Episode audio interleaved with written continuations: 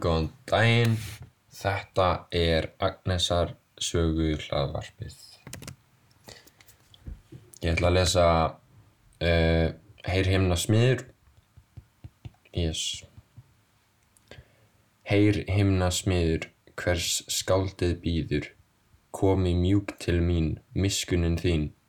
Því heit ég á þig mögur, þú hefur skaptan mig og ég er þrællin þinn.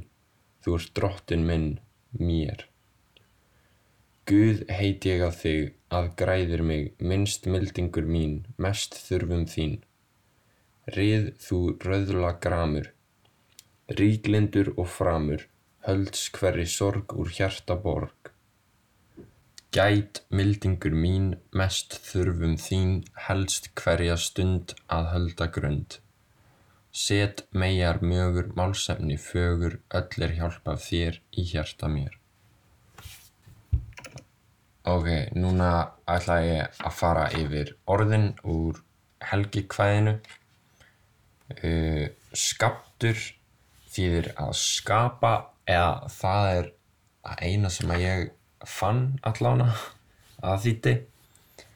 Uh, síðan er mildingur sem þýðir konungur. Röðla gramur þar sem að röðla þýðir sól og gramur þýðir konungur sólana eða, eða kannski röðla gramur er konungur sólana. Er höldur, það þýðir jarðeigandi eða óvalsbóndi, einhver sem á land. Er mögur er afkomandi og meyjar mögur myndi ég þá búist við að sé afkomandi eða eitthvað svoleiðis.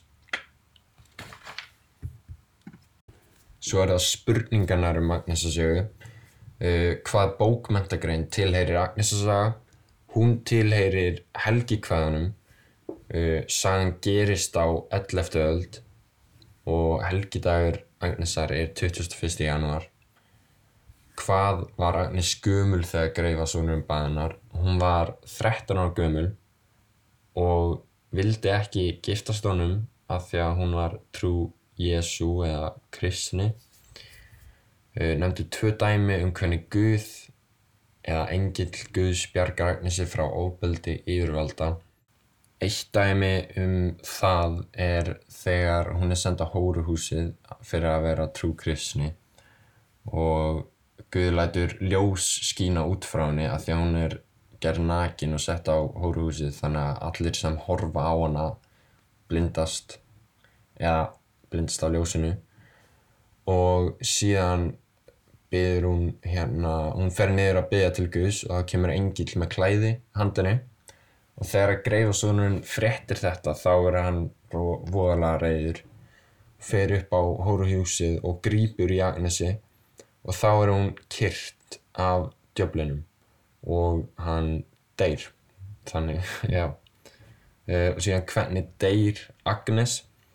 Hún er pyntuð og síðan stungin með spjóti til þess að það sé fyrir alveg víst að hún er dauð. Af því að af því að uh, fólk var ennþá hérna ekki til í að hún ekki til í kristindrú eða ekki til í að fólk aðrir triðu á það.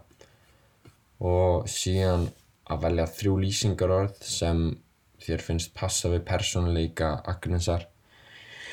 Ég sagði þrjósk af því að uh, hún ætlar ekki að gefa upp trúna sama hvað og er ekkert að láta breyta sinni trú.